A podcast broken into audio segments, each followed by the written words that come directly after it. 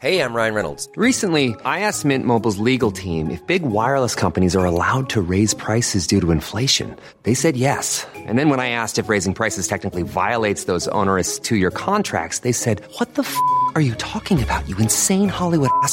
F- So to recap, we're cutting the price of Mint Unlimited from $30 a month to just $15 a month. Give it a try at mintmobile.com slash switch. $45 upfront for three months plus taxes and fees. Promo rate for new customers for limited time. Unlimited more than 40 gigabytes per month. Slows. Full terms at mintmobile.com. Hej innebandy Sverige! Välkomna till det här avsnittet. VM, nu är det innebandyfeber. VM, vi ska försvara vårt guld. VM, vi ska kämpa för varje seger. Knäcka finnen, få checken på fall. Åh, nu tar vi dem, nu tar vi dem. Eh, ja, vad, hur tyckte ni att det gick för mig? Niklas Nordén är gäst i detta avsnittet. Han är eh, förbundskapten tillsammans med Thomas Brottman. Vet ni vad? Vi kommer inte nämna Brottmans namn en enda gång förutom här nu i introduktionen. Eh, jag pratar VM, jag pratar landslaget, jag pratar spelarutveckling och eh, vi pratar jättemycket annat som har med innebandy att göra. Det är alltid lika kul att prata med en riktig innebandynörd. Niklas Nordén har ju en gedigen bakgrund som tränare. Han har ju hållit på med innebandy hela sitt liv och han är ganska inblandad även på sin fritid eh, med innebandy. Det kommer ni höra alldeles strax. Jag tänker att vi kickar igång det här avsnittet och önskar svenska herrlandslaget lycka till i VM i eh, Schweiz. Nu kör vi!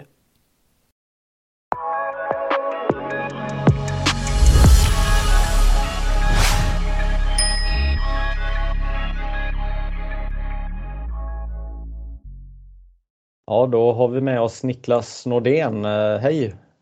Välkommen! Tjena. Tack, tack. Ja, har du skrapat eh, rutorna eh, i, i morse här för första gången eller? Eh, barnen skulle till skolan och då som tur var har jag en knapp bredvid eh, en extra bilnyckel så att den, den gick igång fem minuter innan. Så att jag slapp skrapa men det var frost på rutorna första frostnatten. Ja, hur eh, gamla är dina barn? De är eh, 10 och 12. Ja, är de självgående på morgonen eller är det farsan som fixar frukost och klär på dem? det, är lite, det är lite olika. Nej, klä på dem slipper jag som tur är men eh, om jag får för mig som i morse också så var jag lite sen till min träningspass och då så får, man, får de fixa lite grann själva. Men de, de fixar det bra. Ja. Du, eh, innan vi går in och pratar eh, o- om ditt jobb här, du, är du ideell eh, ledare också? Eller du har varit det i alla fall? eh? Jo, men jag tränar båda, nu kommer vi in mycket på kidsen här, men eh, Ja. jag tränar båda, båda barnens lag, eller jag är en av ledarna på barnens lag. Eh, Så att de har, spelar i, grabben spelar i ett 08-09-lag och tjejen i ett 09-11-lag. Så att där finns, där finns att, att göra ledarmässigt. Ja, härligt. Det är ganska kul va? Eller? Det, det är vansinnigt kul ska jag säga. Det är, eh, ja, vi har- det, det är verkligen två helt olika grejer som, eh, som alltså att träna både tjejer och killar men även, även åldersmässigt, bara de här två, tre åren som det skiljer på de här lagen så, så är det stor, stor skillnad på att träna dem. Men det är, det är olika utmaningar men vansinnigt kul. Ska jag säga. Ja. Vad är, vad är det du tänker skiljer eh, i ålder och eh, kön och allt det? Ja, men tjejerna är nästan två, eh, ja, men två ett till tre år yngre än vad killarna är. Det har en jättebetydelse både i spelet och, och hur de, vad de vill göra på träning och hur de, eh, hur de funkar och hur, hur viktig gruppen är för det här tjejlaget. Det är superviktigt och killarna har hamnat i en sån här, jag vet inte om det bara är mitt lag, men de har hamnat väldigt mycket i en sån här eh, nu måste vi vinna tanke. Och det, jag är inte så, jag är väldigt lite vinna. Om jag, om jag har ett jobb som säger att du bara ska vinna så har jag verkligen ett annat jobb där som säger att jag, jag bryr mig inte det minsta. Ehm, och det är till och med så att mina, mina egna kids kommer och säger till mig, hejar du mer på motståndarna än du hejar på oss själva? Så att, eh, jag, får, jag, jag är lite så eh, åt båda hållen. Men, men killarna är ju roligt för att där kan man köra där kan jag faktiskt testa eh, te- taktikidéer med dem. Och det, det är vansinnigt kul faktiskt. Ja, det låter som att Niklas har fel fokus här på uh, ungdomsmatcherna enligt dina barn då. ja, det kan, man, det kan man absolut säga. Jag, jag tycker det är bra. Vi har förlorat otroligt lite med det här killaget så att vi har fått, fått bjuda ner lite lag från Göteborg och Kalmar och Linköping och så vidare för att, för att få stryk. Så det, det, är väldigt, det är väldigt bra att träna på motgångar också. Ja, jag, jag håller med dig hade faktiskt en diskussion om just det igår, det här att, att, att vinna eh, lite för mycket, att, att det, det blir inte bra heller för barnen. Eh, att någon tanke, spelar man tio matcher så kanske man ska vinna sju och förlora två eller tre eh, av dem om man vill vara ett duktigt lag. Hur tänker du eh, kring det? Jo, men det, vi hade en sån här förra året, A Perfect Season, och då, då ehm, Eh, då blir det fel. Eh, det är inte bra. Det är inte bra för oss och det är inte bra för våra motståndare och det är inte bra egentligen på något sätt. Eh, tycker jag i alla fall. Eh, så att då får man, där behöver man ju verkligen se in i seriestrukturen och, och vi som lag välja. Ska vi möta ett äldre lag så att vi får jobba med något annat den här säsongen? Eller kan man på något sätt rodda kring det så att det blir lite andra utmaningar? Till exempel bjuda ner andra lag. Men jag, det är väl viktigt tycker jag att att, att man får testa på och, och få stryk ibland också. Och jag, jag upplever att ju mer, ju mer man vinner, ju mer kidsen vinner, desto viktigare är det för dem att också vinna sen. Eh, och det, det är inte säkert att det är det bästa på alla sätt i de här åldrarna kan jag tycka. Nej, Eh, jag är beredd att hålla med. Eh, om vi ska eh, snabbspola här tänker jag och om du snabbt får berätta vad har du gjort i din karriär fram tills du som inom innebandyn fram tills du blev förbundskapten? Oj, den, den är stor den frågan. Det är ju, jag kom in i innebandy när jag var, var tio år. Min brorsa startade en, en förening som har blivit ganska stor idag. Eh, och ja, men där började jag som spelare. Sen har jag väl någonstans spelat innebandy i, i hela livet. Och nu, nu har det varit en liten paus de sista åren, men, men alltid spelat. Och sen var jag en runda och spelade in på näst högsta nivå. Eh, och sen så gick jag tillbaka till min moderförening, alltså den klubben som, som brorsan startade för att varva ner lite som spelande tränare i division 4 när jag var 24-25 år. Och sen så gick det kan man säga tyvärr, men, men eh, åt tyvärr hållet i alla fall. Så vi lyckades vinna division 4, 3-2 och sen gå upp i ettan på, på lika många år som, eller på de tre åren som det tog. Och då, då fick jag en fråga från FC Helsingborg eh, att haka på som assisterande tränare bakom eh, Kent Göransson tillsammans med Vidar. Eh, och fick en, en riktig eh, ledarskapsskola ska jag säga. Kent var otroligt skicklig på att eh, lära ut och att, eh, och att ge ansvar ganska tidigt till mig. Så där var väl min, min bana in i elitverksamheten. Så från det att man skulle varva ner innebandyn så blev det en, en, en, ett elitspår istället. Och sen fortsatte det mot Växjö under en massa år och, och nu då förbundskapten om man ser tränarspåret. Så. Ja, just det. Och eh, din moderklubb är, du har inte sagt? Munka Ljungby innebandyklubb. Munka Ljungby. Ja, men det är ju en eh, riktigt klassisk eh, eh, förening som alla som håller på med innebandy har hört talas om. Ja, men eh, jag, jag, tror faktiskt att den är, den är det just nu. Det är, en det är en liten by vi är i och alla spelar ju innebandy här. Jag ska inte säga att det är som, som Nykvarn där varenda unge spelar på, eh, på skoltid, men eh, det, det, är populärt att spela innebandy i den här byn och det det är roligt. Ja, var, varför tror du att det har blivit så? Varför har innebandy slått så eh, starkt tror du? Nej, men jag, jag, tänker väl att det är ganska, eh, alltså det mycket är ju konkurrenssituationen också. Nu är vi en by som har fotboll, tennis, eh, karate, lite så. Och antingen så är man väl lite bollsportshållet eller så väljer man, man något annat gymnastik eller, eller något liknande. Så att utbudet är väl inte gigantiskt. Sen tror jag att innebandyn har eh, större chans att få ett fäste i de här där det faktiskt bedrivs en bra föreningsverksamhet ska jag säga, men också i de här mindre, mindre orterna. Och det tycker jag, vi känner ju igen det från elitinnebandyn med, att, att innebandyn har svårt att få det här enorma fästet i Stockholm, Göteborg, eh, Malmö, kan jag ju tycka i alla fall. Utifrån hur många som faktiskt spelar innebandy i närområdena på, på de här stora. Så jag, jag tänker mig att det är en grund och en, en välskött förening är en grund. Mm, ja, härligt. Eh, eh, när du berättar om eh, din tid där i Helsingborg med eh, Kent Göransson och eh, Vidar Jonsson, alltså otroligt eh, grymma ledare. Vidar är ju otroligt inspirerande och Kent eh, lika, likadant. Vad, vad lärde de dig då? Jag minns faktiskt att när jag var här i, i Munka eh, som division 1-tränare så vet jag att Pixbo ansökte om en ny huvudtränare för deras högsta ligalag, alltså Pixbo här. Och då vet jag att jag skickade in en ansökan på den till Kristina Landgren var det då på den tiden. Eh, och, och, jag kanske kryddar den historien, men jag tror inte jag gör det. Eh, det är rätt så många år sedan. Men då skickade jag en ansökan och det var då David Jansson tog det jobbet i, eh, i Pixbo. Då hade han varit eh, någonstans och eh, ja, han, han fick det jobbet. Jag tyckte det var lite synd och sen hamnade jag i Helsingborg ändå. Och eh, då märkte jag ju att det var ju, en, det var ju en grym tur att jag inte hamnade i Pixbo för att jag hade aldrig rätt ut det liksom elitmässigt. Man, många, många som jag som är i division 1-klubbar tror att man bedriver elit eh, fram till det att man har sett vad elit faktiskt innebär. Eh, så jag tror att då hade jag nog inte varit tränare idag. Jag hade nog varit rätt så utkickad ur Pixbo Wallenstam eh, rätt tidigt där. Så, eh, eh, de, de har lärt mig otroligt mycket. Vidar som coach och som han var en otroligt brinnande coach på den här tiden och, och med mycket nytänk som jag också, jag kan verkligen identifiera mig med honom och just då och, och hitta på nya saker.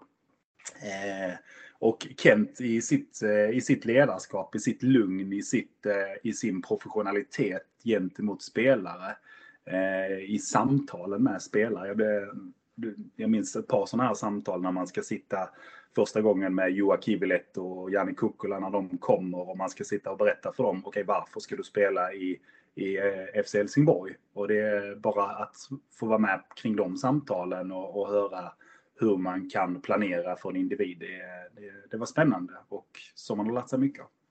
Mm.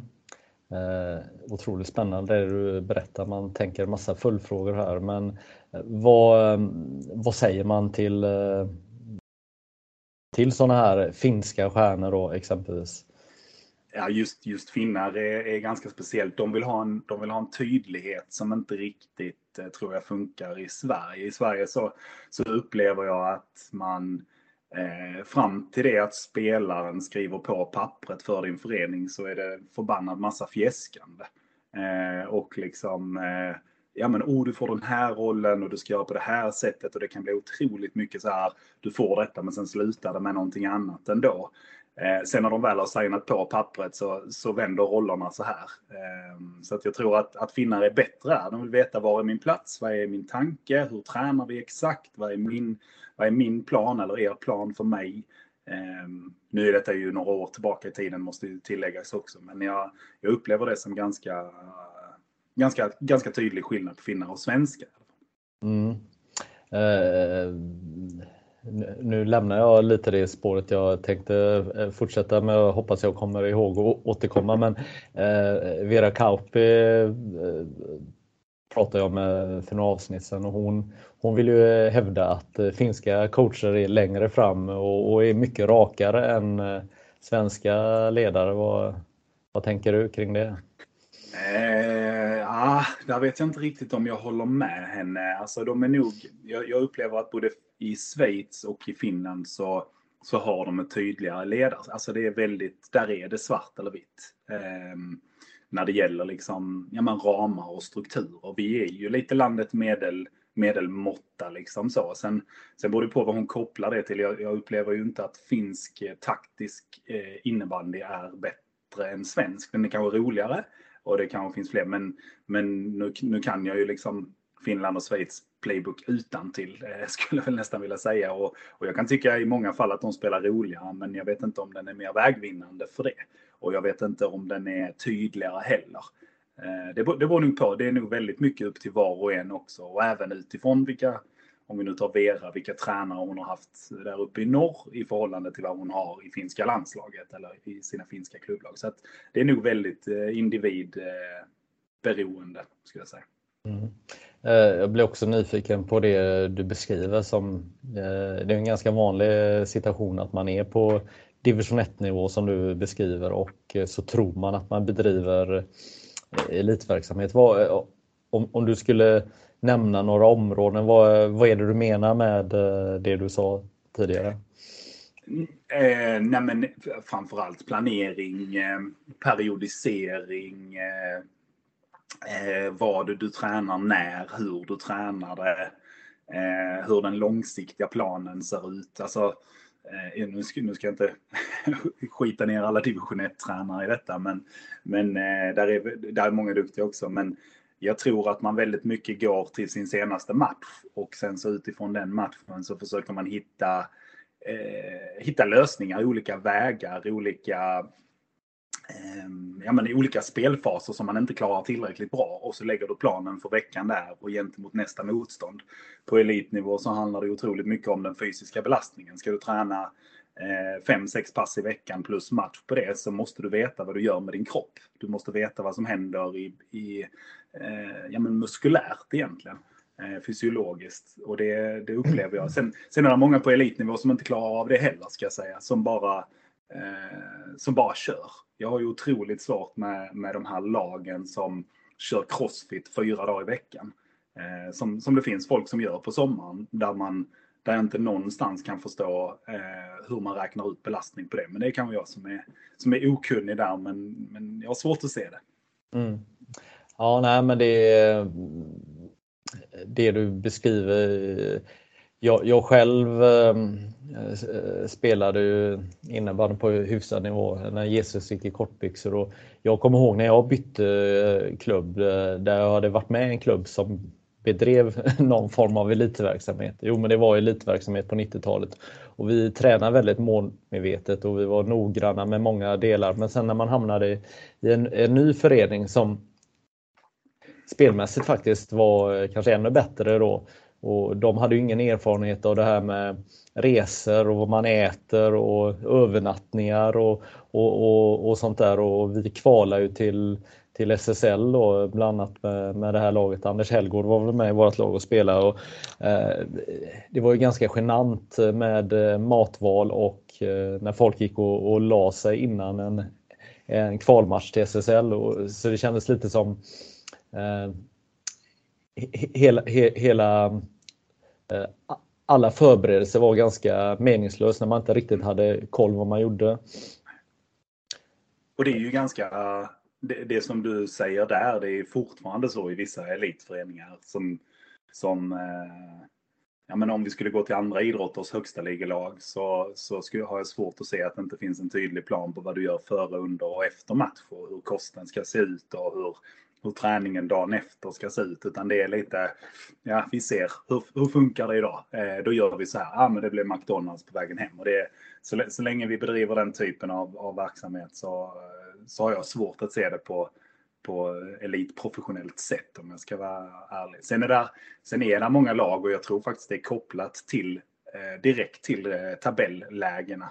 Att de som gör mest rätt saker, de som lägger flest av de här eh, noggrannhets procenten på hög, det är faktiskt de som vinner guld till sist. Eh, så där finns, där finns mycket att göra. Ja. Uh, ska vi se här, nu ska jag läsa till. Uh, Niklas uh, Nordén ska ta helhetsgrepp om svensk innebandy spelarutveckling och särskilt fokus på elitutveckling. Uh, uppdraget är starta, leda, driva utvecklingssatsningar kopplat till spelets och spelarnas utveckling för att nå det mål som svensk innebandy vill. Eh, du eh, blev anställd av Svenska innebandyförbundet, var det 2020?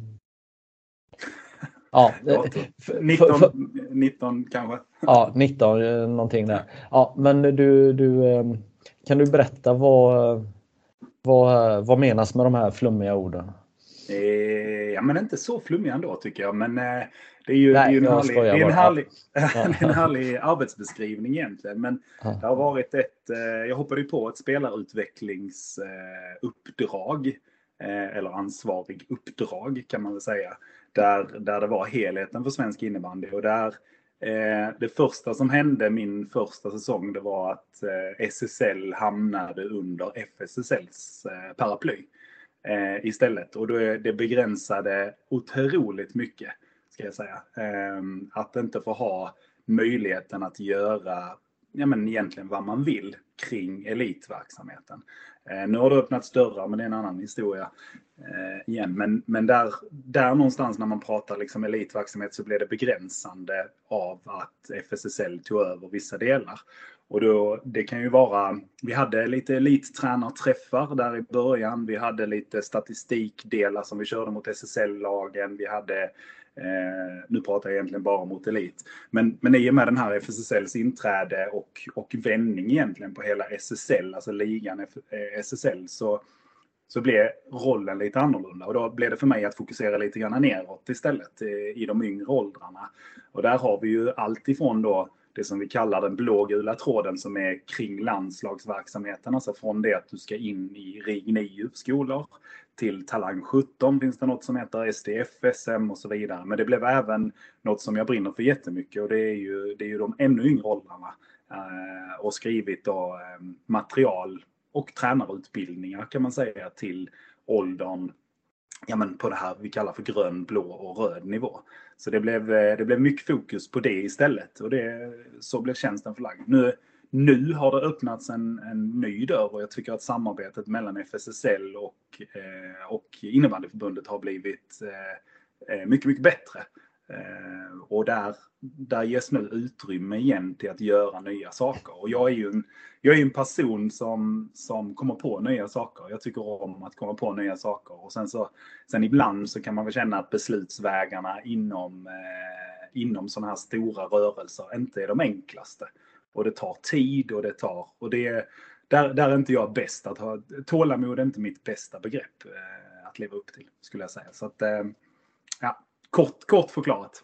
Mm. Ja, nej, men det känns ju verkligen som att du är eh, på rätt plats med tanke på att du är eh, ledare högst upp och även, eh, inte längst ner, men på, på den nivån där det kanske är allra roligast med innebandy med de här yngre barnen när de håller på att spela. För det är, det är ju suveränt att se glädjen i barnen, de yngre och även föräldrarna, att eh, föräldrarna ser sina barn röra på sig och, och, och, och så. Men vad jag kan bara lägga till där, det, det, är ju det som är, det är ganska, ganska roligt för man, man är ju hela tiden mellan det här att men för landslaget handlar det om att vinna. Vi ska vinna, det är det det går ut på. Eh, för, för barnen så blir det precis tvärtom, så man känner sig lite så här schizofren från en dag till en annan. Idag har jag träning med kidsen och jag ska sitta med landslagsdelar nu resten av denna dagen. Och då, det, det skiftar väldigt ska jag säga. Eh, men sen till den här rollen som spelarutvecklingsansvarig också så Alltså det är ju en, det är en roll som vi skulle kunna lägga tio heltidstjänster på eh, för att utveckla innebandyn över vårt land. Och, och där känner man sig att eh, ja, man, man blir begränsad av tiden som finns också. Jag har inte så många andra intressen än innebandy och, och lägger all min tid på det. Men, men eh, ja, det hade varit, det hade varit eh, jag, jag, tror att det finns fortfarande mycket utvecklingspotential både bland elitnivå och de yngre. Ska jag säga. Mm. Ja, nej, men eh, exakt. Alltså, det, jag, jag, tycker det är så otroligt intressant att, att lyssna och, och, fundera själv här. För eh, det, om man bara går tillbaka till de här yngre barnen då och går man till sig själv och egentligen alla man pratar med så är ju tävlingen är ju en drivkraft. Alltså, Eh, tävlingen på skolgården när du kör en mot en om det är basket, landhockey, fotboll Alltså det är ju det, är ju det som driver barnen eh, eh, på något sätt. Även om, om du bara har fem minuter på, på en skolrast eller, eller om det är på innebandyträning så är det ju eh, det. Och samtidigt så säger vi hela tiden, alla vuxna, att, att eh, det ska bara vara på skoj och ni ska inte tävla. Var, var... Men det, det du beskriver där, det är ju, det vet ju alla alla föräldrar om någonstans. Jag vet ju när jag ska ha barnen i sängen från, från det, det att de är fem år. Då säger jag bara den som borstar tänderna snabbast ligger i sängen, eh, den vinner. Och då helt plötsligt så har man ju ett sjukt tempo på barnen, vilket ju är, är skönt. Så det är klart att den, eh, att tävlingen kommer vi aldrig ta ifrån någon. Utan den, den, den tror jag finns från det att man föds. Speciellt om man har något syskon i familjen också som det finns att tävla mot. Så, så blir det någonting annat. Och, och även nere i idrotten. Och jag tror ju verkligen tävlingen är superviktig. Och det får vi inte blanda ihop med det här med resultaträkning. Sen ska man säga att SIU-modellen som kom fram eh, för en massa år sedan och som vi har tagit fram och som egentligen alla idrotter har tagit efter innebandyn. Eh, den, den, där har vi ju en tanke på att nej, det här handlar om, om individuell utveckling för, för barnet eller för ungdomen i sin, sin innebandy.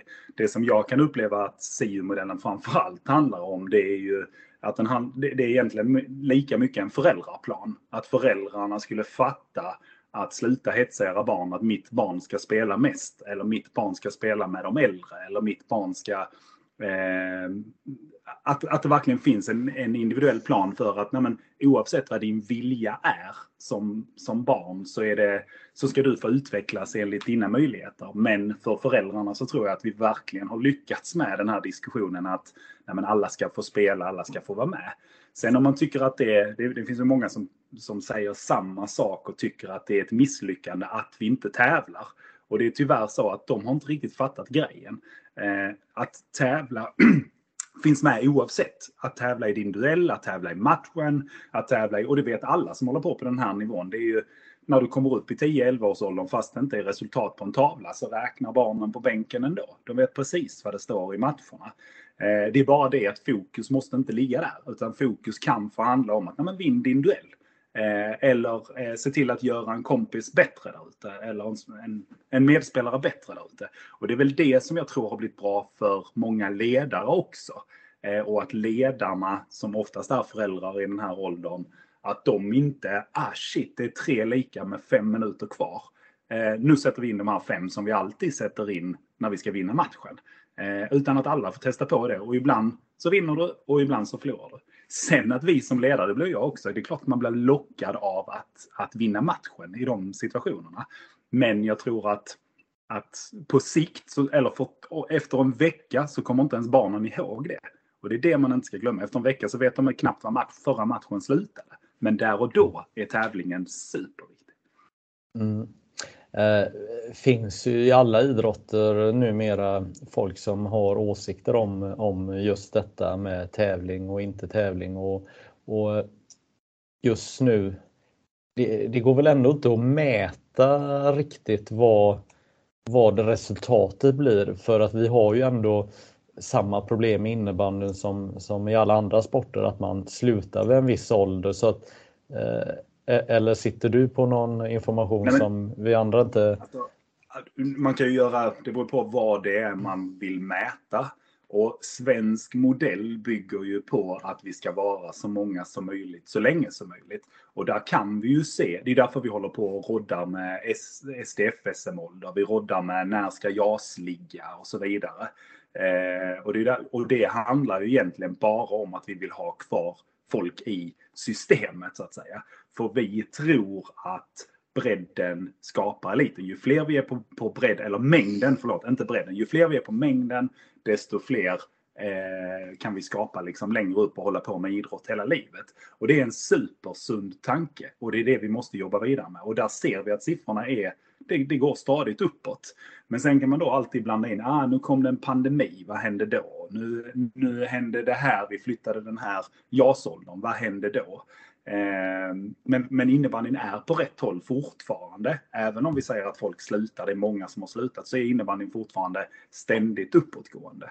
Och det, så därför är den modellen rätt. Sen om man skulle prata så här, hur får vi fram flest antal landslagsspelare? Nej, då är det, inte, det är inte 100% säkert att det svenska systemet är bäst. Alltså gå tillbaka på ryssarnas tid när de satte in, för man kan inte ens prata om ryssarna nu för tiden, men nu gör jag det ändå, men när du satte dem i träningsläger 360 dagar eh, av de 365.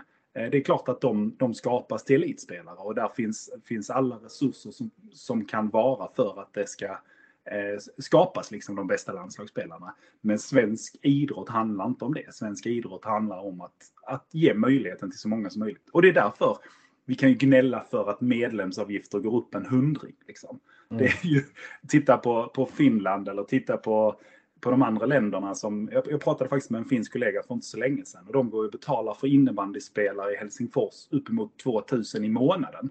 Det är vad vi betalar på ett år. Eh, och det är klart att det exkluderar otroligt många spelare i Finland till att börja spela innebandy.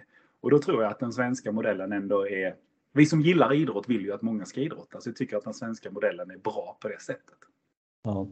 Eh, nu kan jag inte alla sporter, men jag är lite insatt i ishockeyn och där är det ju lite som Vasaloppet när de drar linan eh, om man är lite långsam och, och i, i hockeyn är det ju när de börjar i nian så blir det ju, är det en sån brutal utslagning. Det är då alla elitklubbar eh, säger till 90% av eh, sina spelare stick och brinn mer eller mindre och så tar de in eh, helt ny, nya lag. Mm. Men, och, och det är ju, och så funkar det till mångt och mycket i många idrotter. Och där, är väl kanske, där tycker jag hockeyn är otroligt speciell också. De kan ju sitta ner i 13-årsåldern och säga att nu får du inte plats längre, 12-årsåldern. Och där får vi aldrig hamna med innebandyn. Det är jätteviktigt.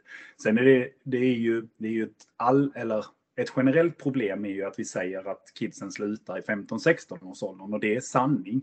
Vi minskar, eh, alltså licensantalet går ner kraftigt där och det gör det i alla idrotter. Däremot så får vi det att handla om eh, eller vi drar slutsatsen om att det bara handlar om idrott. Jag tror ju att mycket av det handlar om, det är klart att vi ska behålla dem så länge vi kan, men det handlar också om att när du går i nian och byter skola, du går, hamnar på gymnasiet, det är den här identitetsgrejen för jättemånga personer. Så gör vi det, vi gör det till ett idrottsproblem medan det likväl kan vara ett samhällsproblem skulle jag säga. Det betyder inte att vi inte eh, ska satsa på att eh, kidsen ska fortsätta där och då. Det måste vi, jättemycket måste vi jobba med det. Men det är inte konstigt att det Millions of people have lost weight with personalized plans from Noom. Like Evan, who can't stand salads and still lost 50 pounds. Salads generally for most people are the easy button, right? For me, that wasn't an option. I never really was a salad guy. That's just not who I am. But Noom worked for me. Get your personalized plan today at Noom.com. Real Noom user compensated to provide their story. In four weeks, the typical Noom user can expect to lose one to two pounds per week. Individual results may vary. Hiring for your small business? If you're not looking for professionals on LinkedIn, you're looking in the wrong place. That's like looking for your car keys in a fish tank. LinkedIn helps you hire professionals you can't find anywhere else, even those who aren't actively searching for a new job but might be open to the perfect role. In a given month, over 70% of LinkedIn users don't even visit other leading job sites. So start looking in the right place. With LinkedIn, you can hire professionals like a professional. Post your free job on linkedin.com slash people today. Nej. Eh, jag tänker vi ska byta spår här. Eh, du har sagt eh, att om du vill bli en toppspelare i SSL och bland de bästa i SSL så funkar det inte att och, och jobba 75-100% vid sidan av. Det har jag sagt. Så nu får man stå till svars för allt gammalt man har sagt. Det är ju faktiskt riktigt intressant. Jag, ja. jag står fortfarande... Jag, jag, måste säga så här att jag tycker att SSL är sämre just nu än vad det har varit tidigare. Ehm, jag tycker att innebandyn är eh, sämre. Jag tycker att det inte eh, är lika det är inte lika hög kvalitet som det bara var för ett par år sedan. Det är min, det är min generella bild ska jag säga. Jag ska inte säga att det är så för alla. Vad, vad bygger du det på? jag bygger, jag, rent öga, rent spelöga. Liksom. Att det är väldigt många som är otroligt, om jag går till herr-SSL, så är väldigt många oroliga för resultatet just nu. Man vill inte, det, blir är en tydlig uppdelning på topp 3, 4 och sen är det ett tydligt mittenskikt mellan femman och tian och sen är det ett tydligt bottenskikt mellan eh, 10 till 14 skulle jag säga. Och alla de lagen som är mellan 10 och 14, de vill inte hamna på 13, 14 och åka ur. Eh, och sen så när du tittar på lag 5 till 10 så det det går ut på för dem det är att vi ska gå till slutspel. Och sen topp 1 till 4, där kan väl ske lite mer kreativitet kan jag tycka, men, men det handlar också om att positionera sig för att slippa Falun, för att göra det så enkelt, slippa Falun i en semifinal. Det, det är så enkelt är det. Och det gör att man, eh, vi har en tradition i svensk innebandy där det blir viktigare att skydda sitt eget mål när resultaten blir viktiga än att vi ska göra, att vi ska göra mål. Alltså om du, om du ställer dem emot varandra, att skydda ditt eget mål mot att göra mål. Eh, så, så upplever jag att väldigt många lag måste skydda sin placering i tabellen och då väljer man att skydda sitt mål. Man kan inte jobba med en långsiktig utveckling. Eh, och det ser vi ju, alltså tittar man på tränare idag, det är väldigt många nya tränare in i, i bland annat herr-SSL. Och när de kommer in i herr-SSL så vet de om att vi har två, tre år som, eller jag har två, tre år som tränare här. Vad är mitt mål?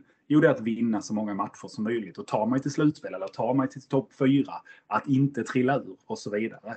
Och det gör att du faktiskt, du, du, när, du, när du väljer att skydda ditt mål så är mitt bild att du inte spelarutvecklar på bästa sätt.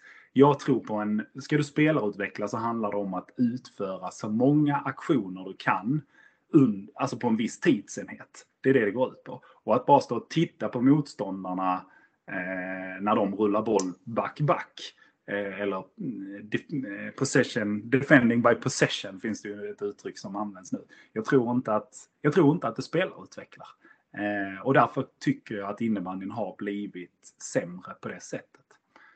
Eh, mm. Var, var, det något svar på någon fråga? Uh, nej, jag, jag, jag, vet inte. Jag sitter här och nickar och försöker förstå vad du säger här. Ja. Utan, nej, Går det dåligt? Nej, nej, då.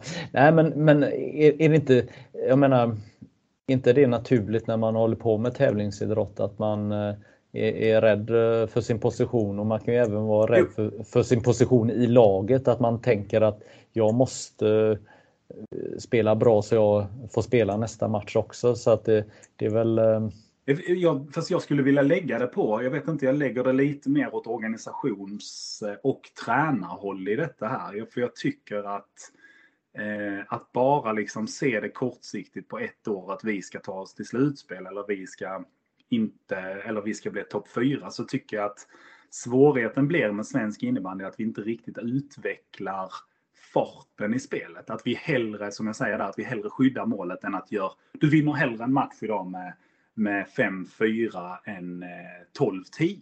Om jag ska vara, raljera lite. Mm. Eh, eller matcherna slutar i alla fall så. Och det är ju, där är ju någonstans en öppenhet i liksom 12-10. Eh, och, och, för mig så låter det som, shit, det, här var, det har varit många beslut för en spelare. Det har varit jättemånga individuella beslut för var och en av individerna. Medan 5-4 kan innebära att du bara har stått och passat fram och tillbaka och skydda, skydda, skydda.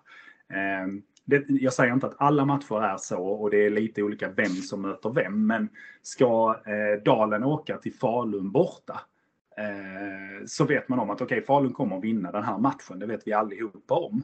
Och då tänker Nydalen faktiskt ett ganska dåligt exempel i detta, för jag tycker att de, de ändå försöker. Eh, men det lättaste blir att tänka, okej, okay, vi, vi backar hem och kör på spelvändning. Och för mig så är det inte eh, superspelarutvecklande i varje fall att faktiskt jobba på det sättet.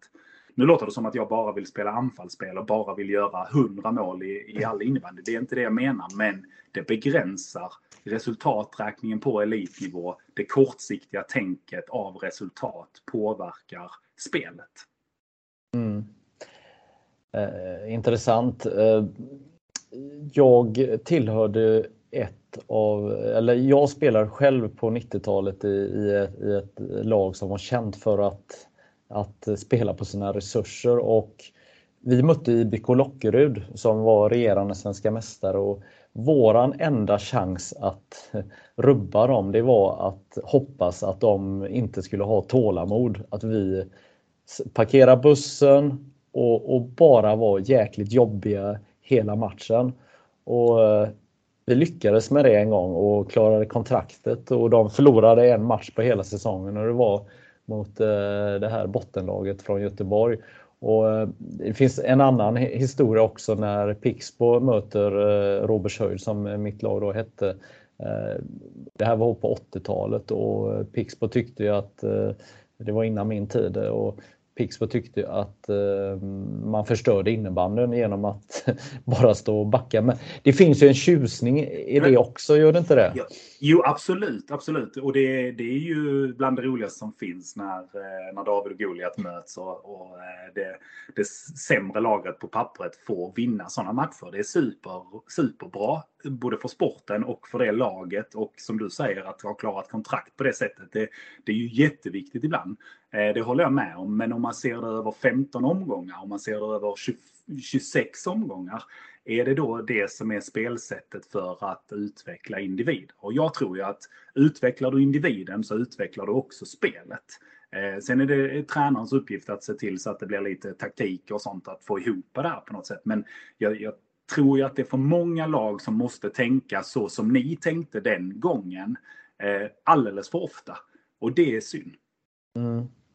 Ja, nej, det, är, det är jäkligt intressant för att eh, sen, sen har vi skikt också i, eh, i eh, SSL när det gäller ekonomi och organisation och de här bitarna. Och man kan ju faktiskt känna av det att det finns en, en trygghet om man pratar landslagsspelare. Alltså man, man känner av att de de har ju en position i, i de, har, de har ett spelarkontrakt, de har eh, någon form av sysselsättning runt omkring så att hela paketet fungerar och de är ju elitspelare hela vägen ut och även vissa av tränarna har ju en annan typ av trygghet för att någonstans så är det ju en, en väldigt stor uppoffring. Vi säger att du är eh, SSL-tränare på nedre halvan så är du egentligen du är en otrolig eldsjäl. Även om du får ersättning från eh, din förening så har du gjort massa uppoffringar eh, för att vara tränare. Och även spelarna gör ju eh, otroliga uppoffringar. Men, men det känns som vi har olika skikt i svensk innebandy. Hur mm. tänker du? Nej, men det var ju faktiskt det som var din grundfråga utifrån det citatet som jag någonstans sa. Jag backar till det igen när ja. du, när du säger det här att, att man behöver gå ner i arbetstid och så vidare. Mm. Eh, och jag tycker att innebandyn är på väg mot Eh, just nu. Det finns en hel del spelare som har ganska bra betalt där ute. Du kan tjäna eh, 20-30 000 kronor i månaden. Eh, det är bara det att många av de här spelarna bedriver ändå ett heltidsjobb bredvid för att de ser möjligheten att ja, men du, har, du har 30 000 på ditt vanliga jobb och 30 andra tusen genom innebandyn och så helt plötsligt tjänar du 60 000 i månaden och du har ingen utbildning och du har, ingen, du har inget egentligen grund att stå på mer än att du är bra på innebandy. Eh, om man nu får säga så. Eh, och, och där kan jag ju tycka att ehm, eh, att välja bana lite grann. Att jag tycker att föreningarna bör ställa kravet att ska du tjäna 30 000 av mig så ska du också träna rätt hela vägen. Och det är det jag menar att jag kan inte riktigt ta det på allvar. De som jobbar 100% spelar innebandy på elitnivå 100% kan man säga. För det är ingen som har 200% i arbetstid. Eh, bara för att det kommer ner till en ekonomisk fråga till sist. Och då är det många innebandyspelare på elitnivå som säger så här, men det här hinner jag med. Och då, då tror jag att nej, men då har du inte riktigt fattat grejen. Då har du inte riktigt fattat vad som faktiskt utvecklar dig till sist och lägga planer, att lägga ditt kostschema. Att istället för att göra makaroner och köttbullar så, så ser du till så att du faktiskt äter rätt. Och det tar en timme att laga den här maten. Eh, jag har ju svårt att se att eh, Sara Sjöström skulle jobba 100% bredvid sin simkarriär till exempel. Eh, och, och dit, jag är övertygad om att det är dit vi måste fortsätta sikta.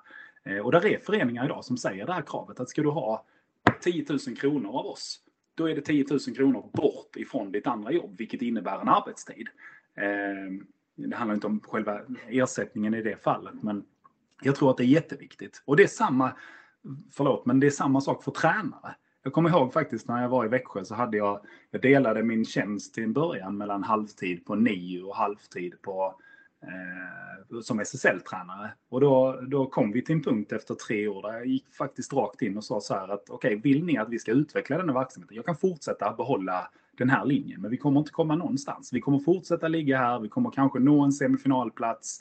Men ska vi fortsätta göra någonting så behöver jag jobba på heltid på detta. För att det gjorde man nästan ändå, men för att livet någonstans ska gå ihop.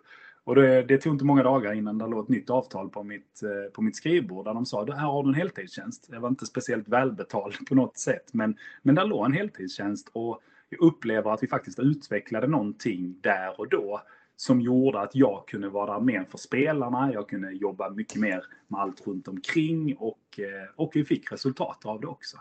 Eh, så att jag, jag, jag tror mycket på att kraven behövs ställas. Jag vet inte hur många division 1-föreningar där är som ringer till 15 tränare varje år. Snälla kom hit här och håll i vårt lag. Och så ringer man till samma tränare. Men vad är incitamenten till att få 2000 kronor i månaden för att träna ett division 1-lag när du har ett heltidsjobb bredvid? Och så säger man att man ska gå upp i allsvenskan. Det håller inte. Ehm.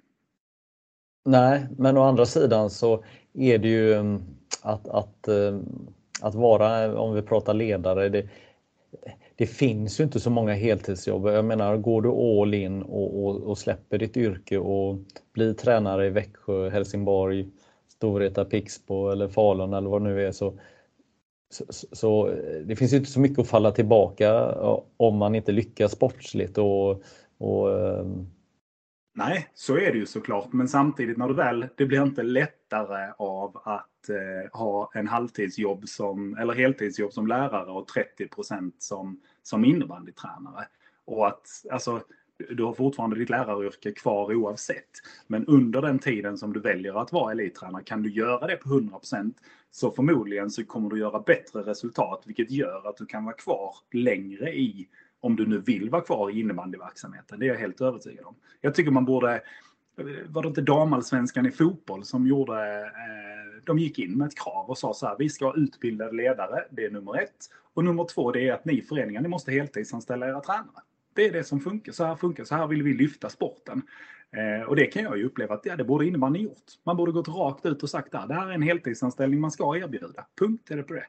Eh, mm. För jag tror det hade lyft precis allting. Och nu ser vi kan det vara fem heltidsanställda tränare, kanske sex i, på både dam och herrsidan.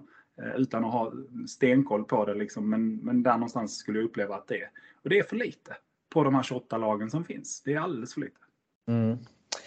Ja, det är, alltså, vi skulle kunna prata om just de här delarna i timmar känns det som. Eh, det, alltså, alltså, problemet är ju då om, om du har heltidsanställda ledare då, och, och så har du spelare som har en annan förutsättning. Och sen tänker jag också när man tränar på, eh, på dagarna, jag menar tränar man på om man säger kvalitetstid på kvällen då om man har eh, ett annat liv också, man kanske har en eh, sambo och barn och hela den här biten. Och, och eh, för elitklubbarna tränar ju väldigt sällan på kontorstid, eh, tyvärr.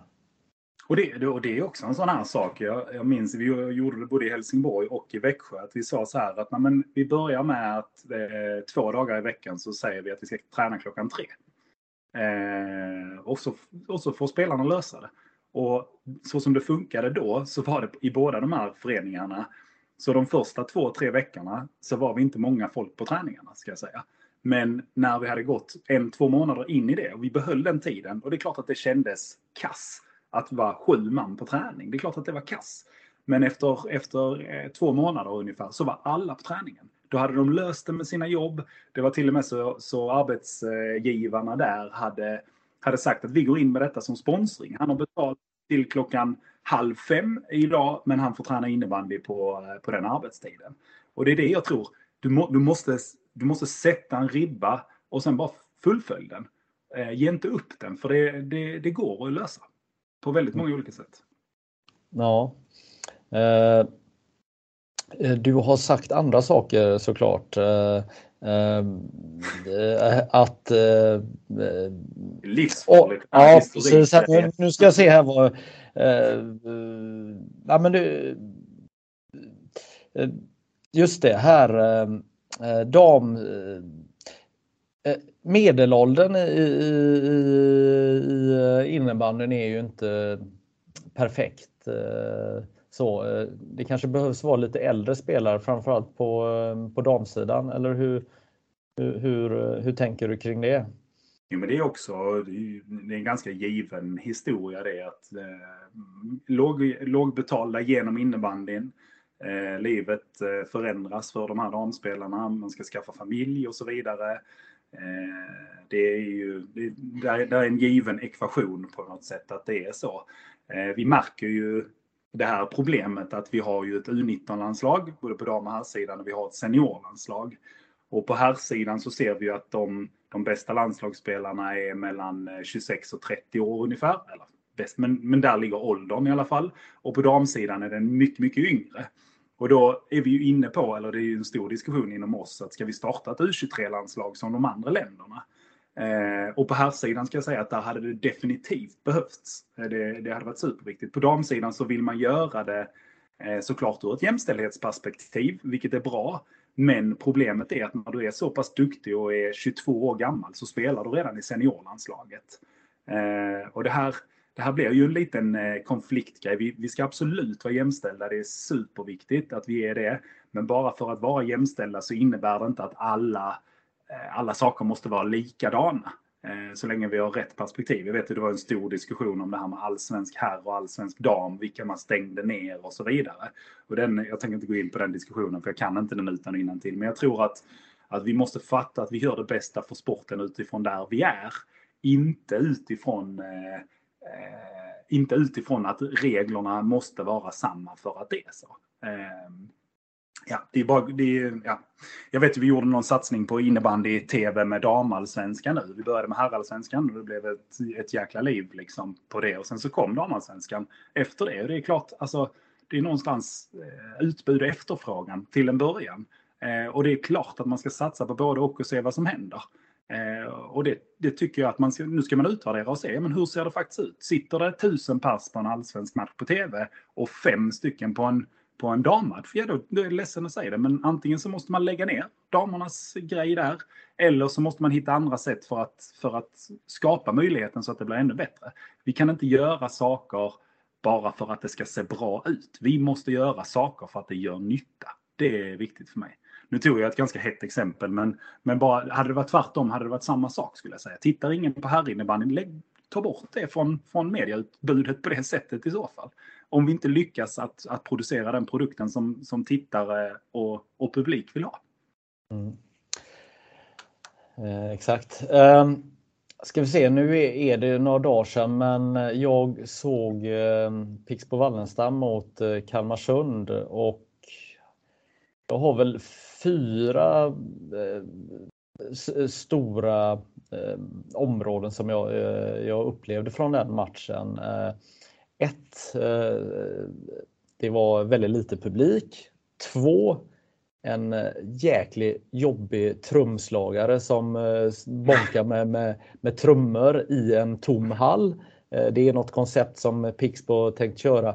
Men Eh, och eh, jag förväntar mig inte att du ska ha några åsikter om det. Men punkt 3 och 4 som jag tyckte var lite kul, det var ju att det var två otroligt bra målvakter som spelade och det var en eh, kille i Kalmarsund som heter Kim Nilsson som jag tyckte var jäkligt bra. Han var bättre än ja, förra säsongen vill jag påstå. Vad tänker du om det jag sa? Ja, punkt 1 och 2 gällande Pixbos eh, publiksiffror och trummor, de, de får du eh, prata med Pixbo om känner jag. Eh, när det kommer till eh, de här spelarna som du pratar om så det, ju, det känns ju be, betryggande att du också tycker att, att landslagsspelare är bra på något sätt. Och, och eh, Jon och Kalle är ju, det är ju två grymma målvakter. Eh, måste jag säga. Så att det, det, känns, det känns bra och tryggt att de är bra. Och jag tror att för de två så blev det en liten sån här head-to-head eh, fight. Eh, vilket, vilket gör det bra för att där är någon viss... Eh, även om de ska jobba tillsammans när vi är med landslaget så såklart så är det en intern fight mellan de två om vem som ska spela en VM-final. Och det är, det är bra att de har den och det är bra att de är bra i de matcherna. Det är jätteviktigt.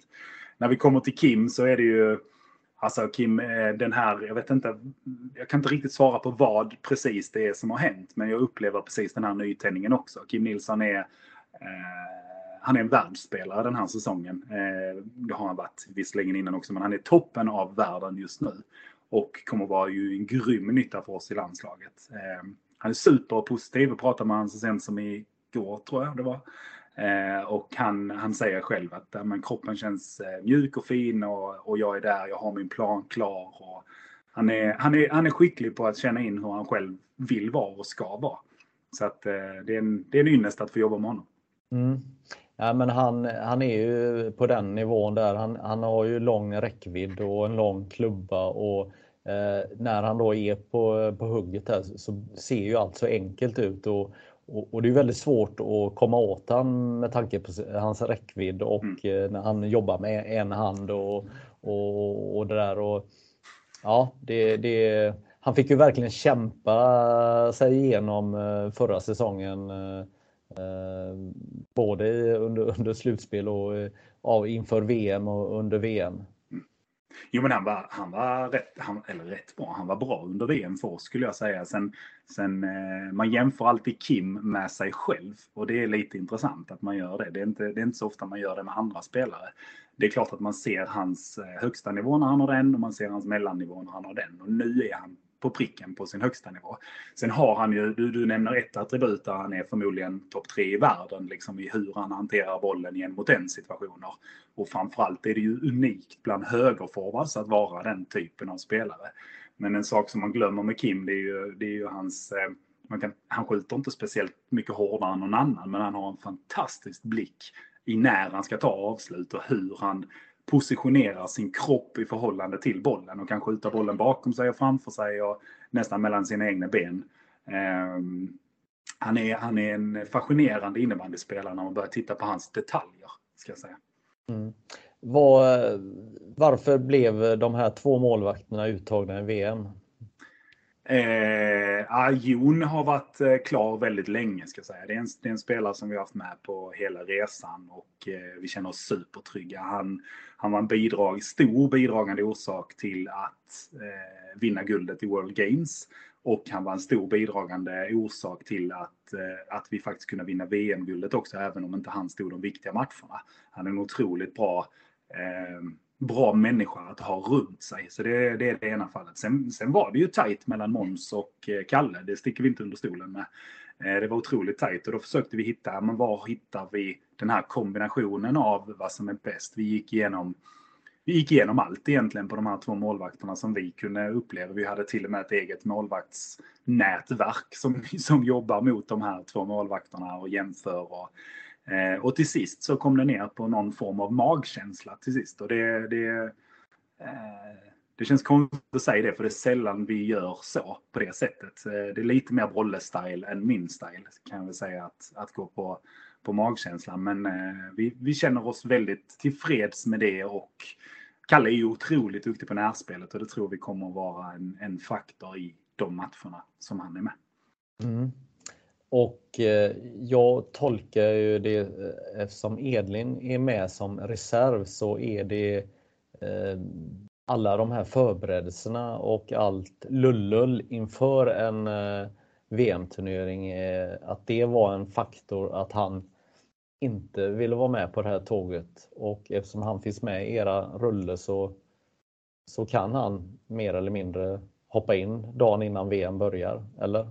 Alltså Edling var ju, han har varit tydlig från första början att han inte skulle köra detta eh, VM ska, ska sägas och eh, att han kände sig ganska färdig med det och, och fick någonstans sluta sin egen cirkel. Ehm, vi, har, vi har bra kontakt, jag och Edling. Eh, pratar ganska ofta, även om allt möjligt. Jag rastade honom i paddel för inte sådär superlänge sedan heller. Men så, så, att vi har, vi har en god kontakt. Han Eh, han, han, var, ja, men han var tydlig med att han skulle och ja, men utifrån hans förutsättningar och att han inte kunde vara med på lägren tidigare och så vidare. Så det var egentligen inte något, någon större issue i det. Sen är han ju fortfarande världsmålvakt, ska tilläggas. Mm. Eh, 12 spelare eh, i truppen eh, har eh, du och eh, Thomas Brottman coachat och varit tränare för. Vad, är det en slump att det är så många från, eh, av era gamla spelare som ni har tagit ut i, i truppen? Nej, en slump är det inte. Det är ju vi som har valt ut det. Det kan man absolut säga. Eh, nej, men det är alltså. Det här har jag pratat om sen tidigare kanske också. Jag vet inte, men det, jag, jag säger fortfarande att det är inte en rättvis eh, selektering som vi gör. Det är inte det. Det får man inte sticka. Det är en totalt subjektiv bedömning. Eh, sen Falun är outstanding och det är inte så konstigt att det är många spelare därifrån. Eh, Växjö har ett par spelare nu. Nu är det ju andra klubbar som har lika, Kalmarsund, som har lika många spelare med till exempel. Där visserligen har haft någon sedan tidigare också. Men, men eh, det är klart att du får en, du får en eh, dels så ser du vad de kan på planen. Men du har också den här viktiga faktorn i eh, hur committad du är till det du håller på med. Det är en sån här superviktig faktor. Och vad, vad kan du göra? Och det är klart att jag vet att eh, Jesper Sankell kommer göra allting för mig i en VM-final för att jag gör allting för honom. Eh, jag vet om eh, Sen har vi lyckats bygga upp fler sådana här typer av spelare, tycker jag, i landslagsverksamheten. Ta Kevin Haglund som, som vi inte har tränat någon av oss, jag och Brolle, sedan tidigare. Jag har stött på honom i många sammanhang visserligen, men, men det är ju en spelare som är en otroligt passionerad spelare. Och, och eh, skulle jag säga till honom att nu, nu ska du göra precis så här, så gör han precis så där. Eh, och skulle han säga till mig Niklas, du är dum i huvudet, så fattar vi att eh, det handlar inte om, om eh, att jag är dum i huvudet på riktigt, utan det handlar om att nej, vi måste göra så här på innebandyplanen. Och det är för att de brinner så pass mycket. Eh, så att det är klart att du får en förkärlek till vissa spelare eh, Eh, och, du, och därmed också dina, det som man kallar för favoriter. Eh, så att, nej, det är, det är ingen slump och det är ingen rättvis selektering som vi håller på med. Vi, vår, vår uppgift är att bygga ett lag som ska vinna ett VM-guld. Vi, vi fick otroligt mycket kritik. Det var faktiskt ganska, det är nog den gången vi har fått mest kritik när vi tog ut den första truppen. Eh, och där man verkligen såg att, eh, att vi inte hade tagit typ någon från topp 10 i poängligan. Det var en sån här man bara, men fast varför ska vi titta i poäng? Poängligan är inte ens intressant för oss. Vi ska bygga en grupp som kan spela tillsammans. Vi ska bygga en grupp som tänker, som tänker dö för varandra där ute. Och det är det vi har gjort och det är därför jag är helt övertygad om att vi har lyckats vinna båda de här två gulden som vi har, har fightats om.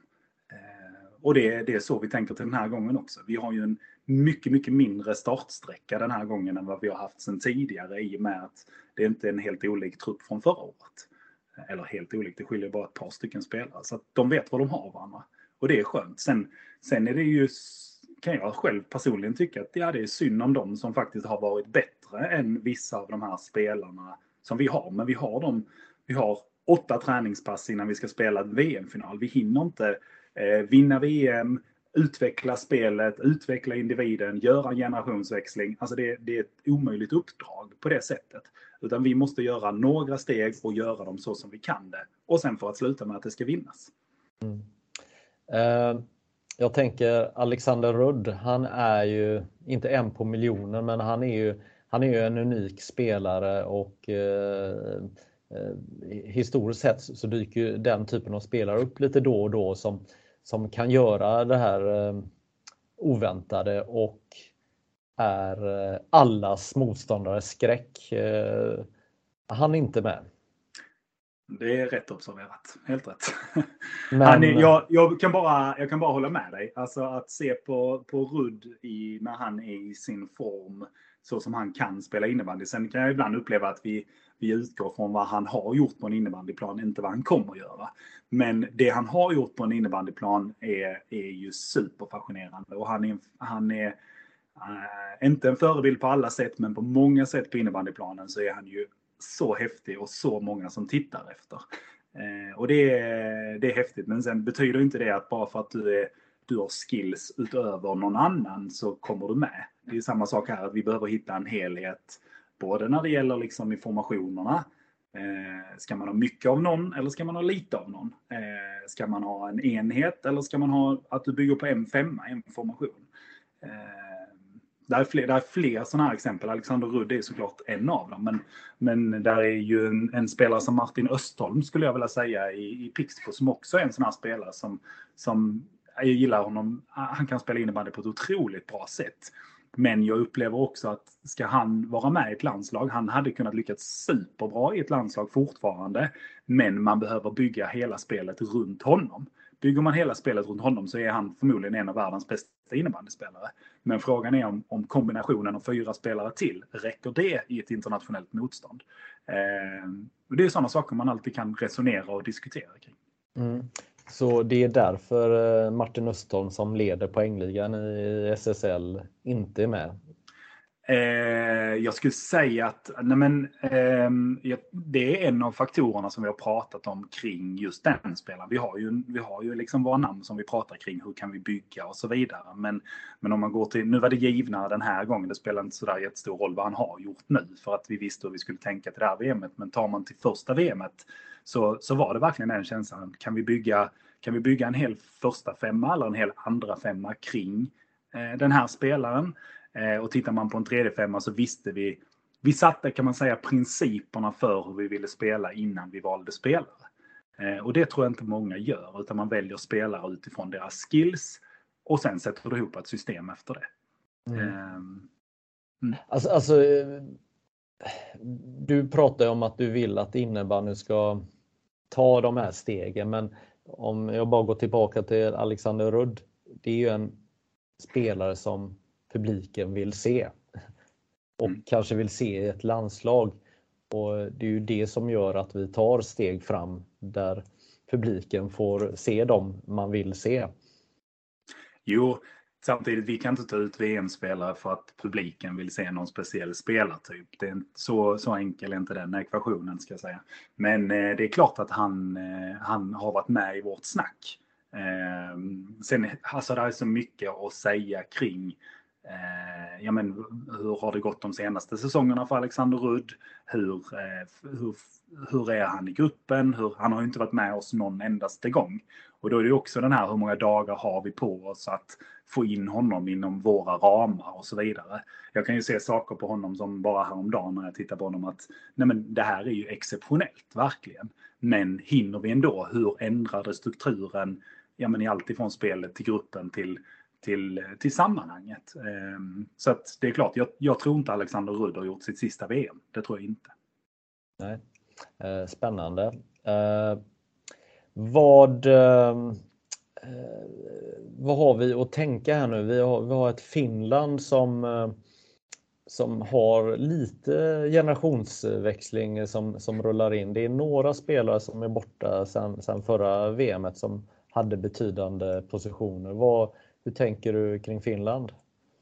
Ja, men de har, de har, det är precis som du säger, de genomgår till viss del en generationsväxling, inte den fullt ut. Och det här är ju Nyckis sista VM tillsammans med, med de här också. Eh, jag tror att hade han vunnit förra så tror jag det hade varit hans sista VM om jag ska vara helt ärlig. Så att han har ju en revanschlusta som är stor. Eh, men de har, ett, de har ett tydligt spelsätt och de har eh, gällande deras grupp så har jag svårt att att lägga någon större värdering i det. Men, men det jag måste säga är att vi, vi har historiskt haft så otroligt lätt att titta på finnarna och vad finnarna gör och hur de bygger ihop sitt. Eh, det här, eh, det här VMet vi ska in i nu så, så skulle jag säga att Schweiz och Tjeckien är en minst lika stor motståndare som finnarna. Mm.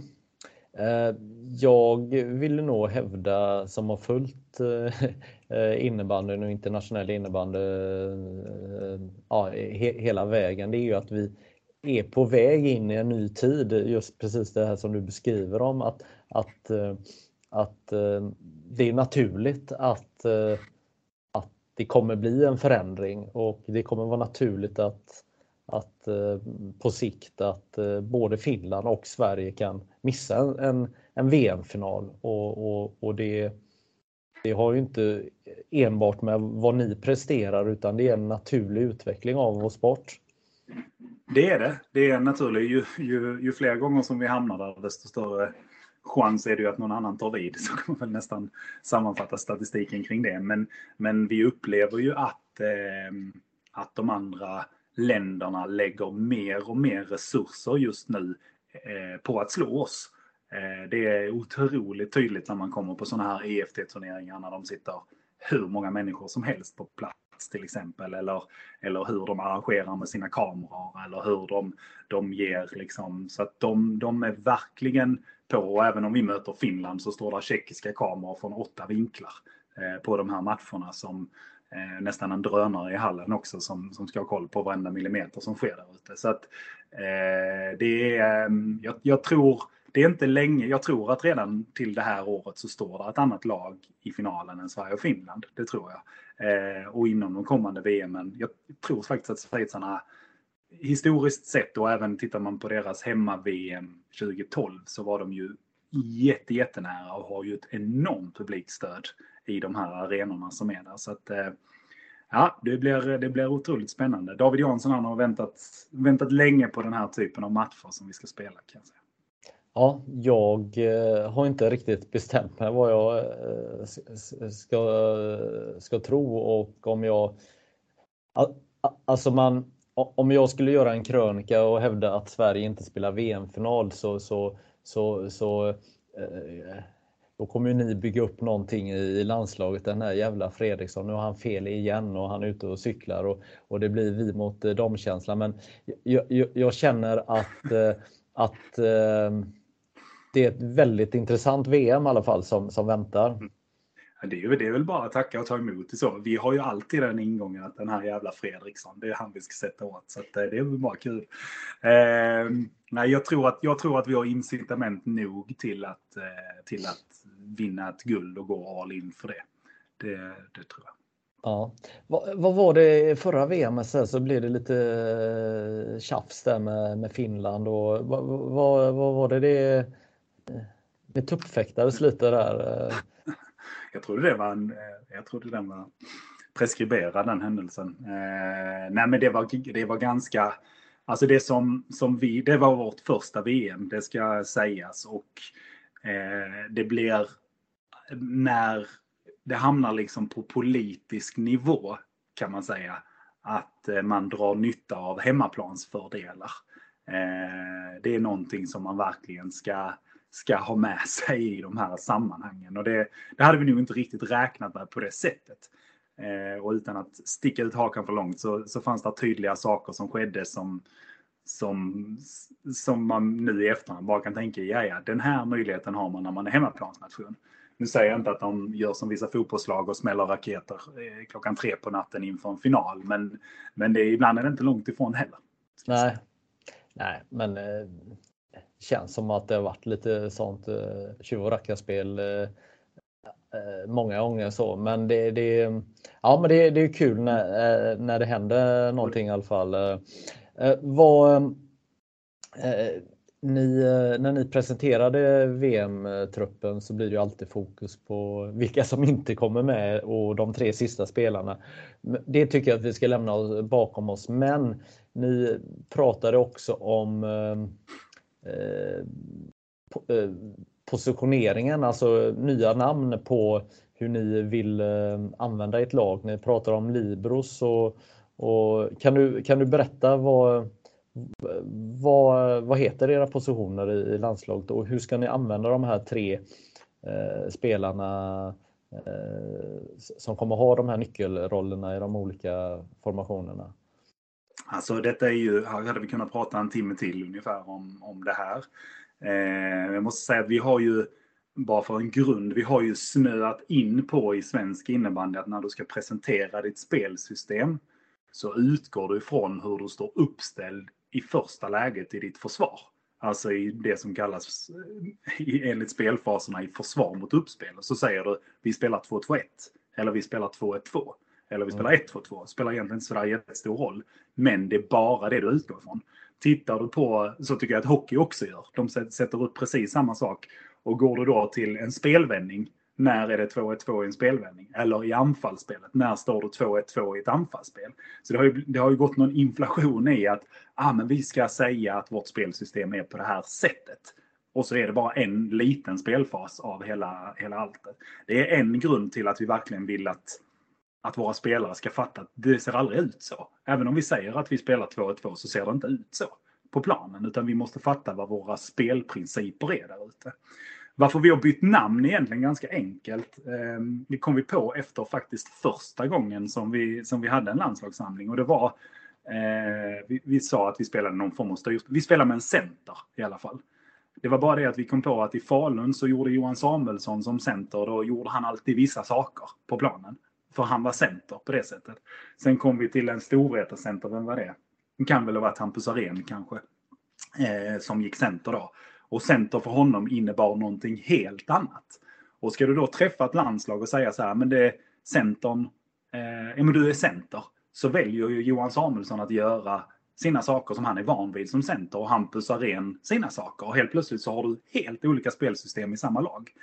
Och då började vi faktiskt med att göra om positionerna. För att inte göra det för svårt för svenska folket så valde vi fortfarande att vi måste utgå från någon spelfas så att folk fattar. Eh, men att börja med att definiera dem här, alltså utifrån den rollen du har, utifrån den positionen du, du bör ha eller ska ha. Vad är det du ska göra då? Så att vi, jag vet inte, vi har hållit på med indianer och vi håller på med running backs och vi håller på med massa olika saker. Och det är egentligen bara för att få dels spelarna att fatta att vad spelet går ut på, men också att fatta för, för hela svenska folket att ruta inte in systemet på detta sättet. Sluta med det, ta bort de delarna och säg istället vad det är de ska göra. Eh, I så fall. Så det är väl, det är väl framförallt därför skulle jag säga. Mm. Libror och halvor. Tobias Gustafsson, Emil Johansson och Ludvig Persson är Libros. Ska styra varsin femma, eller? Eh, det gör de ju. De är ju oftast längst bak i planen. Eh, som en libero. Där är ju en sån här rolig grej med libero. För det vet alla om som spelar fotboll att en libero var den som var längst bak. Och det är samma sak som vi vill ha det oftast nu också. Eh, däremot så betyder det inte att eh, alltså de, de styr det från jag vet inte, det var, nog, det var nog i själva sändningen man sa att de ska styra det. Jag kan tycka att vår, vår centerposition är minst lika styrande. Eller vår högerforward är minst lika styrande. Det beror också på spelfasen. Men de här tre spelarna är ju någonstans definierat i kraft eh, och power. De är olika. Tobbe är på sitt sätt, Empo är med sin snabbhet, sin spelförståelse på ett sätt och, och Ludde med sin liksom en mot en spel. Den begravningen är på ett sätt. Så att, styra vet jag inte, men, men de, de blir ofta, de här tre personerna ska också tilläggas att de är ju personerna i varsin formation som är drivande eh, till deras spelutveckling i formationen. Så att ja, de är mm. väl drivande på något sätt. Ja. Eh, ordet drivande, är det det ni är i alla matcher i VM eller? Eh, det vill vi ju försöka vara. Vi vill ju vara de som faktiskt sätter tempot oavsett om vi har bollen eller inte har bollen. Eh, det vill ju vi kunna bestämma. Eh, sen ska jag inte säga att vi kommer lyckas med det i, i varenda byte där ute, men, men jag upplever att vi driver spelet. Det gör jag nog oavsett vilket land vi möter. Mm. Eh, vet att David Jansson sa till mig, om det var förra VMet eller VMet innan, att eh, han, han, han förklarade väldigt eh, enkelt och snabbt här att, att eh, när man spelar tennis så är det mycket lättare att slå tillbaka bollen eh, he, hela tiden. Och, och, han gör väl en syftning på att det är så det är när Schweiz ställs exempelvis mot, eller när ni möter Schweiz så, så slår de tillbaka bollen. Alltså de, de bygger mycket på bygger hur ni har tänkt göra och så försöker de parera kring det. Ehm, hur, hur tänker man eh, kring det? För det är ju så att, att eh, när ni möter Tjeckien och Schweiz och även Finland så, så har de väldigt fokus på er och hur ni spelar. Jag, jag tycker lite att David förminskar sin egen förmåga där måste jag nog ändå säga. Jag tycker att, att han, har, han, har, han har mer i sig än det och det laget har mer i sig än det han säger där. Men det är väl klart att att när vi bygger vår playbook också så måste vi se på de andra lagen och var nycklar finns någonstans. Eh, sen behöver vi kanske inte anpassa oss lika mycket som de andra, eller vi väljer att inte göra det. Men det är klart att inför första VMet så hade vi ju, vi kunde väl allt om alla finska spelare. Vi hade dokument på varje spelare som, som vi mötte på andra sidan. Eh, så att både och, men vi har ju en grundfilosofi. Jag och Brolle är ju extremt olika till, till, i mycket saker, men vi är extremt lika när vi kommer till innebandyplanen och vad det är vi vill göra. Eh, och det har ju varit en enkelhet att kunna sätta sin spelfilosofi först och sen då välja spelare därefter. Och även liksom, sen tror jag att vi behöver, det här året kanske vi behöver anpassa ännu mer eftersom vi har mött, vi, vi ser att att de andra tre länderna, det är oss de tittar på. Det, det är liksom mot oss man bygger spelet. Eh, ja, men hur, ehm, hur, eh, hur lägger man upp taktiken? Jag, eh, jag tänker, ehm, hur lägger man upp taktiken? Det är väldigt men, men alltså vad, eh, vill man, kan man kasta över taktpinnen till, till motståndaren för att vi säger att motståndaren utgår från att, att de ska följa vad, vad ni gör, men om, om ni för ett ögonblick ger upp eh, matchen och låter motståndaren driva spelet och ha mer boll. Eh, kan det vara en, eh, en lösning för att bryta mönster och sånt också? Eller, eller, eller gör, ni, gör ni sånt i matcherna? Eller hur? Det, det förekommer absolut. Det förekommer att vi vill ge över eh, initiativet, om man säger så.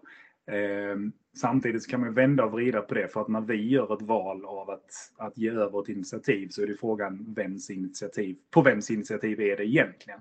Eh, så att, ja, man, kan, man kan bolla och dra i detta på många olika sätt skulle jag säga.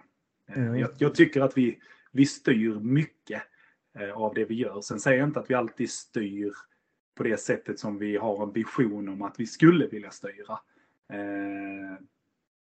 Eh, men jag tänker att ja, men där är för få möjligheter för att göra det med antal dagar och antal spelare och så vidare. Så att, mm. där, är en, där, är en, där är en dubbelhet i det, men, men vi gör sällan bort initiativet om vi inte vill. Så kan vi säga. Nej. Eh, ett, ett ämne som kommer upp eh, ofta från, eh, från landslagsledningen det är ju det att, att några av de konkurrerande länderna nu har Eh, mer möjlighet. Man har eh, närmare till att träffas och man har eh, elitcenter och man har ditten och datten. Och nu när vi då har VM så, så stängs ju SSL ner i stort sett en månad. Det är ju inte bra för svensk elitinnebandy att SSL är stängd en månad. Jag tycker självklart att det är jättebra att VM spelas under säsongen men, men eh, Eh, är det nödvändigt med alla de här lägren och sånt? Skulle man kunna hitta en lösning som gäller för alla länder att man spelar fram tills ja, en viss datum så att det är samma regler för, för alla. För, för nu känns det som att, att, att hur kommer det se ut om två år? Är det två månaders eh, uppehåll för att eh, alla de här lägren? Vad, vilken väg bör vi gå? Alltså här är ju mycket, mycket och så Vi tar den här timmesdiskussionen igen då, men, men det finns ju tydliga internationella dagar när man får ha samlingar. Eh, som är en överenskommelse mellan olika nationer.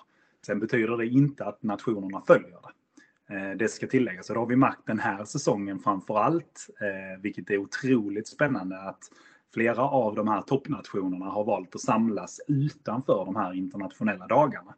Eh, och det är ju, alltså varenda dag när man är på sådana här läger, är, de är tokviktiga. Varenda timme är, är überviktig för att faktiskt hålla koll på, ja men för att kunna göra så mycket som möjligt och vara så förberedd som möjligt. Så det är klart att att eh, det pågår ett politiskt spel kring det också.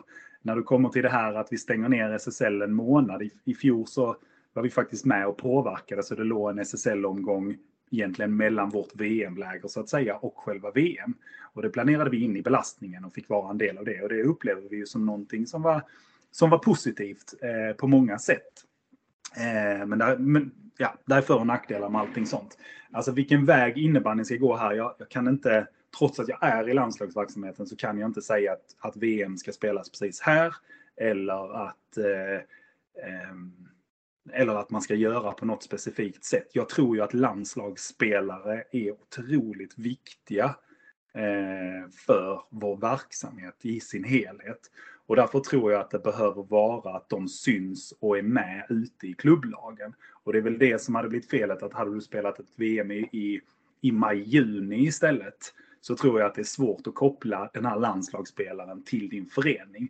Så jag skulle nästan vilja vända på det och tycka att här, föreningarna borde ännu mer skapa möjlighet för att promota sina landslagsspelare och att vi faktiskt gör det till en, en stor grej. Och nu, vi har ju varit tydliga med vilka som är landslagsspelare till våra spelare. Det har vi sagt, du är landslagsspelare hela tiden.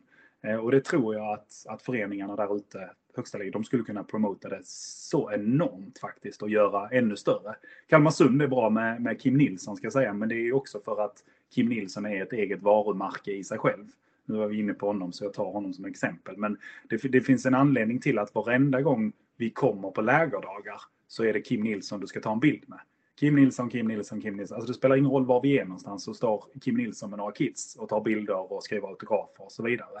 Eh, där är fler sådana spelare. Men, eh, men jag tror att jag tror att det handlar mycket om att man, att man kan koppla Kim Nilsson, eller man skulle kunna koppla honom ännu hårdare till sin föreningsverksamhet. Mm. Ni har ju eh, flera eh, nyckelspelare som är födda runt 88-89 här eh, och nu när vi är framme då 2022 så betyder det att, att de har ju passerat 30 års gränsen och för länge sedan så var det ju en, en dödlig gräns för elitidrottare, men det är det ju inte idag. Vad, och det är ett VM som kommer om två år också då som är i Sverige som, som, som är jätteviktigt. Alltså vad, hur, eh, hur resonerar man kring de här spelarna och eh, hur tänker man? Nej men alltså vi, vi ska ju spela för att vinna guld och så är det ju även nere till Malmö 2024 att det är det det handlar om. Sen får man ju se om, om vilka som kan klara av det. Det är ju det är för dem som individer som detta börjar bli svårt. Alltså du ska klara din kropp, du ska klara Eh, att hantera tempot, du ska klara att bibehålla liksom den fysiken som du har. Det är klart att det, det, det kommer upp till var och en av de här spelarna. Sen tycker jag att vi har, ehm, vi har ju gjort en, en hyfsad generationsväxling och haft många av de yngre liksom, eh, testat på dem och provat på dem. Så att jag tror inte jag tror inte det behöver slå oss så hårt och vi har byggt upp ganska väl för det. Eh, men det är inget som är självskrivet att liksom vem som ska vara med och vem som inte ska vara med. Det är lite som du, du spelar innebandy fortfarande och du har fyllt 50. Så att eh, det, det kan bli fin, ett finare och finare vin ju längre det ligger på jäsning också. Ja men så eh, är det ju såklart. nej men, eh, ja, nej, men det, det är intressant. Vi behöver inte fortsätta i det spåret men, men det är på något sätt att när du är i den åldern så ska du hela tiden för alla förklara vad du ska göra nästkommande eh, VM eller säsongen. Men är du 25 så behöver du inte förklara vad du ska göra 2024 redan nu. Men, men för, för Kim och, och Galante och de här så, så ska de förklara eh, Nej, men... vad, de, vad, vad, de ska göra om tre år. Det är ju ingen människa som vet egentligen inom några sammanhang eh, exakt vad, vad som händer om Nej. så långt. Nej, så, det är ju supertydligt. Alltså, vi var ju efter förra VM så var vi ju nästan övertygade och även Kim själv tror jag. Vi fortsatte på Kim-spåret men, men han var nog rätt så övertygad om att det här kan ha varit mitt sista VM. Och sen så startar vi hela den här diskussionen eller hela den här podden med att men Kim har aldrig sett så här bra ut. Så att eh, det är ju ja, det är upp till individen att vad, vad, kan du bli, vad kan du klara av, vad tänker du göra framåt? Men hade vi inte trott att Kim kan vara minst lika bra som han har varit innan, då skulle vi inte haft honom med. Och det är så vi tänker kring spelare, att du har fortfarande inte gjort din bästa match. Den kommer i nästa omgång. Men när man ser att nej, din bästa match, den har varit, ja, det är ju då vi måste börja diskutera att nej, men, du bör nog inte vara med här.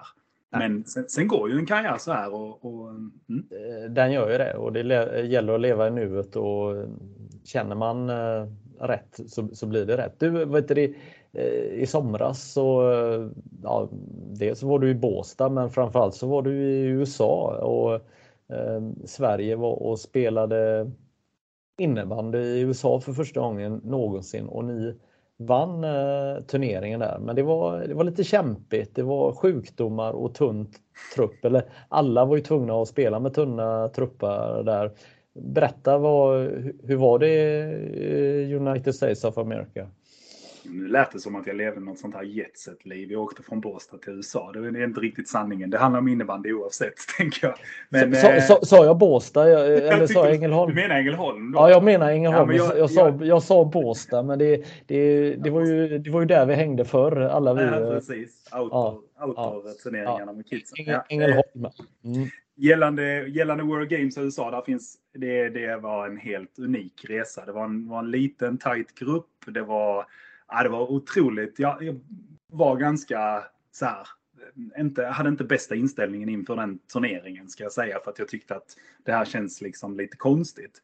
Och sen nu i efterhand så kan jag säga att det var en av de roligaste turneringarna som, som jag har varit på. Vi hade otroligt kul både som grupp och, och ja, men att vi vann såklart. Och, eh, sen, var, sen var det speciellt och jag tror inte en tiondel av alla historier som hände i USA har kommit fram, vilket det är, är bra. Men, men någon sån här historia kan ju vara att inför vår första match så har vi eh, en spelare som vi tror har covid som vi får isolera. Vi har inga sängar på natten. Eh, vi har eh, vi har en annan spelare som, som kräker och så vidare. Så att eh, det, och då när du är 12 utspelare från början så, så är det...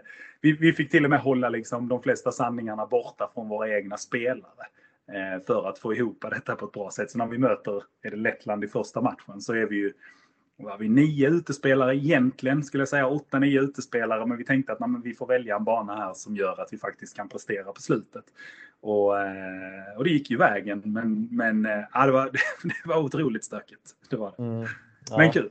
Ja, och eh, vi behöver inte gå in i 3 gånger 15 diskussionen mer, men, men matcherna var ju lite kortare och hur, hur ja, kortfattat, vad, hur, kändes, hur kändes det? Ja, men det var kul. Det var, det var roligt. Och, vi, och på en så liten trupp som på 12 spelare så var det nödvändigt ska jag säga om man ska behålla intensiteten. Eh, så att eh, jag hade inget emot det där och i det sammanhanget. Och eh, nej, det skilde inte sådär jättemycket. Spelarna var rätt så trötta efter den turneringen. Ja. Vad, vilka frågor fick ni från utomstående? Som, eh, vad, vad, hur förklarar ni mm. sporten för dem eh, som ni nej, men, stötte ja. på? Nej men alltså World Games i Sverige är ju inte speciellt stort. Det är ju ingen så, men för, för, många, för många andra länder och för många andra idrottsgrenar så är det ju verkligen ett OS på riktigt. Alltså det man ska inte alls förringa när vi kommer till styrkelyft. Liksom, de väntar på den här tävlingen i fyra år och det är den de laddar för. Och det gör vi ju inte i innebandyn på det sättet. Eh, men när man kommer till USA och de får se vår sport. Jag tycker att såklart så fanns det mycket mer vi, vi som innebandy ehm, ja, men innebandyn borde kunna göra mycket, mycket mer kring hur allting såg ut, hur allting var där på plats, hur, eh, hur man promotar sin idrott och så vidare. Eh, och det var ju till och med så här att det låg ju ett USA skapar ju sin första proffsliga under den här säsongen. Jag kan inte första, nu blir jag helt osäker. Men de hade i alla fall sitt proffsligespel under sommarhalvåret. Och det är klart att man skulle kunna skapa något jättemycket större där kring hela det. Men det är väl resurser och, och, och möjligheter kring det också. Eh, så att, eh, men det var, det, var en, det var en fantastisk eh, turnering och få umgås med många andra idrottare och andra nationer. Och det var vad man gjorde den till också som individ skulle jag säga. Mm. Eh, nu tänker jag att vi ska runda av här eh, precis här, men avslutningsvis vad, vad tänker du om eh, VM i, i Schweiz? Hur kommer det gå? Jag tänker att vi åker dit för att vinna, annars så hade jag inte varit där. Det ska jag säga direkt. Men jag tror att det, det kommer bli en... Om vi tyckte att det var tufft i fjol när Tobbe Gustafsson han får göra mål med en och en halv minut kvar i en VM-final i Hartwall Arena mot finnar så kommer det här i alla fall vara något liknande. Vi kommer att spela på... Ska vi vinna det här så kommer vi behöva spela på vår yttersta spets med tanke på, med tanke på förutsättningarna och, ja, och att vara där på plats. Härligt. Niklas, tack så mycket för att du ville vara med och prata med mig. Tack själv. Hi, I'm Daniel, founder of Pretty Litter. Cats and cat owners deserve better than any old-fashioned litter. That's why I teamed up with scientists and veterinarians to create Pretty Litter. Its innovative crystal formula has superior odor control and weighs up to 80% less than clay litter. Pretty Litter even monitors health by changing colors to help detect early signs of potential illness. It's the world's smartest kitty litter. Go to prettylitter.com and use code ACAST for 20% off your first order and a free cat toy. Terms and conditions apply. See site for details.